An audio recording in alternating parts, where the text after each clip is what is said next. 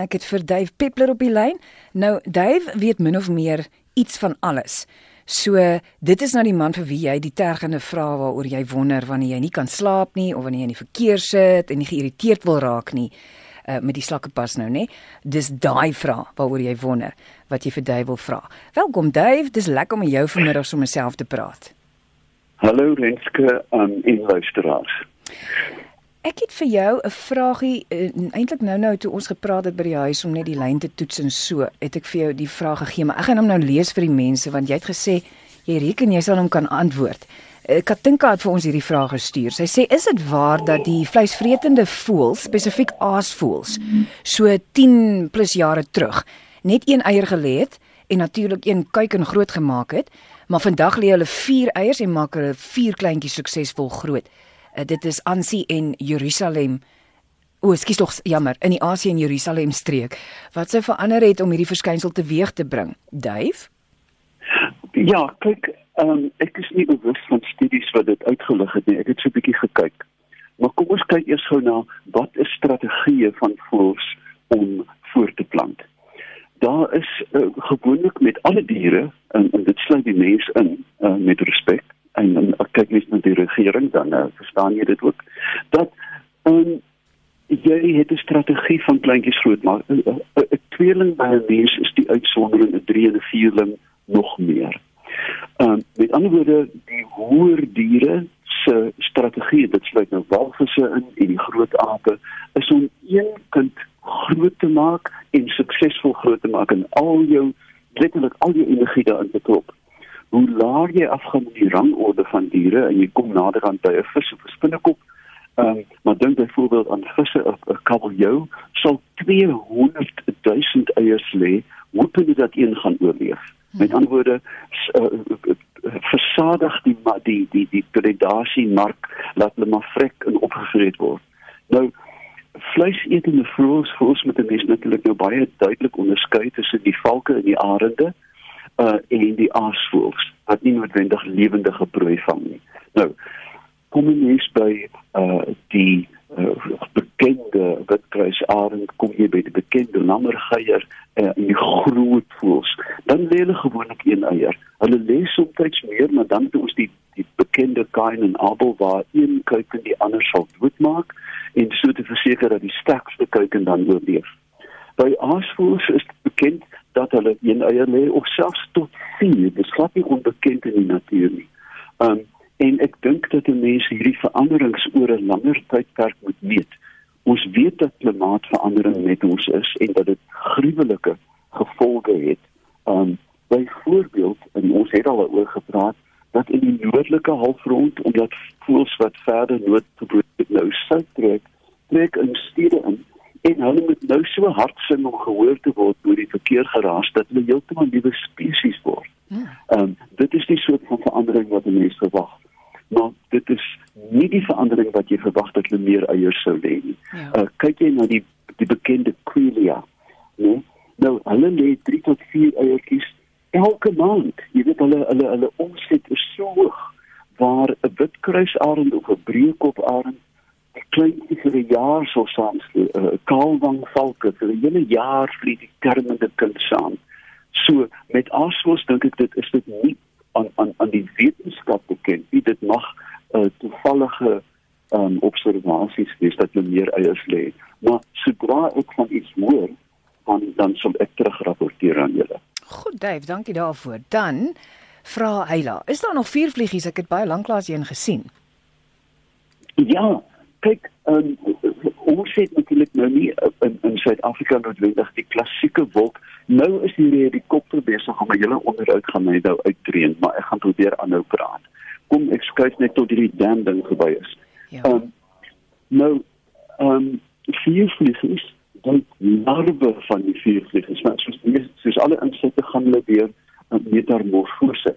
Nou die die larwes wat wat wat gloei eet slakke En deesdae in tuine, daar's die masjien nou weg. In tuine is daar 'n verbiete geveg teen slakke, met slaggif.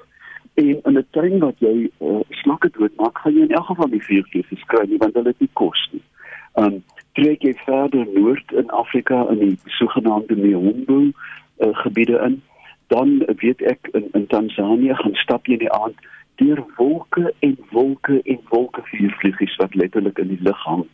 Um ek was ook onlangs in Borneo en een van die aangrypendste goed wat ek ooit gesien het was langs die Kinabalu rivier.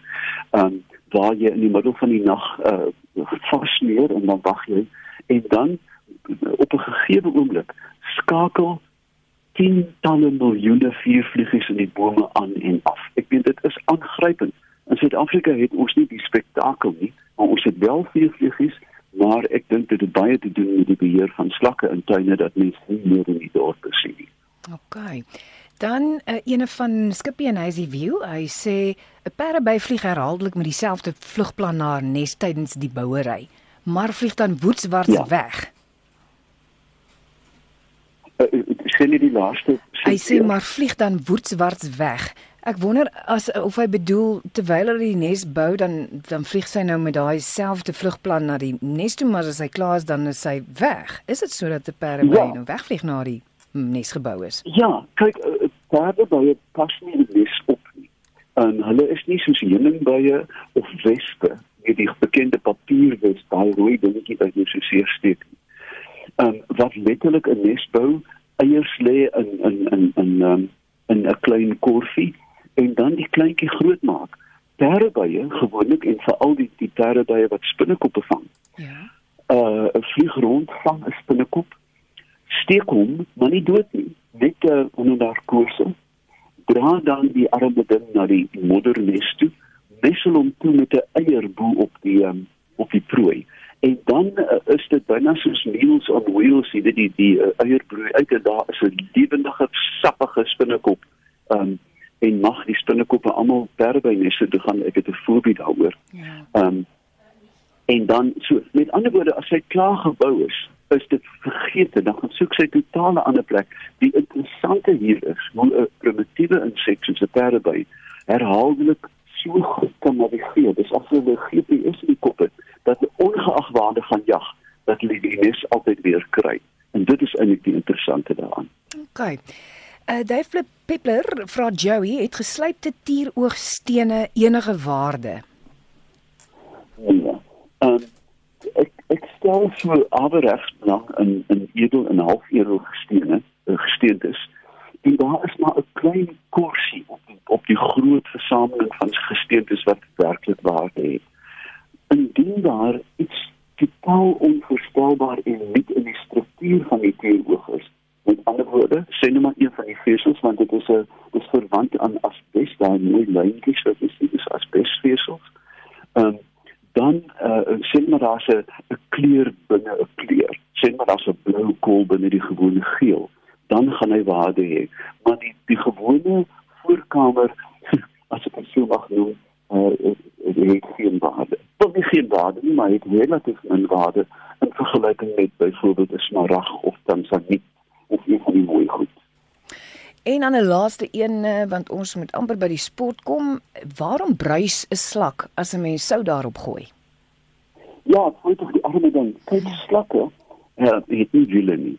Slakke het ook nie pote nie. Met ander woorde, slakke het 'n groot voorraad van mucus, selfs goed wat jou neus voorkom as jy verkoue het, wat afgeskei word as 'n as 'n kitspat om op te vuil. Met ander woorde, as jy 'n slak op kurkdroë omgewing sit, dan kan hy byna nie beweeg nie. Dit is natuurlik hoekom hoekom slakke so vinnig beweeg as dit reën, want die baie is so lekker glad, jy sien, om die slaim op te sit. Ja. Um, en as jy dan 'n irritant, dit hoef nie noodwendig sout te wees nie, maar jy kan iets so salpeter. Ek weet nie wat jy gaan doen maar um, op 'n slak gooi, dan is dit 'n reaksie om ontslae te raak van die gifstof en um, en hulle skei dan oordadig van die slaim af wat eintlik maar bedoel is een om die liggaam klam te hou want jy weet as dit baie droog word dan gaan sit die slakbestelle nie dood stil en dit beweeg nie vir maande nie. Dit is alles om water te bespaar. As dit goed gaan en dit reën slakke slaim en dan uh, en dit werk by alle slakke steeds slakke self het hierdie laagie wat hulle opsou. Um, en dan as jy nou sout of irritant daarop gooi of jy weet 'n vloeistof dan probeer hulle dit nie neutraliseer maar eenvoudig wegdwing deur hierdie laag. van.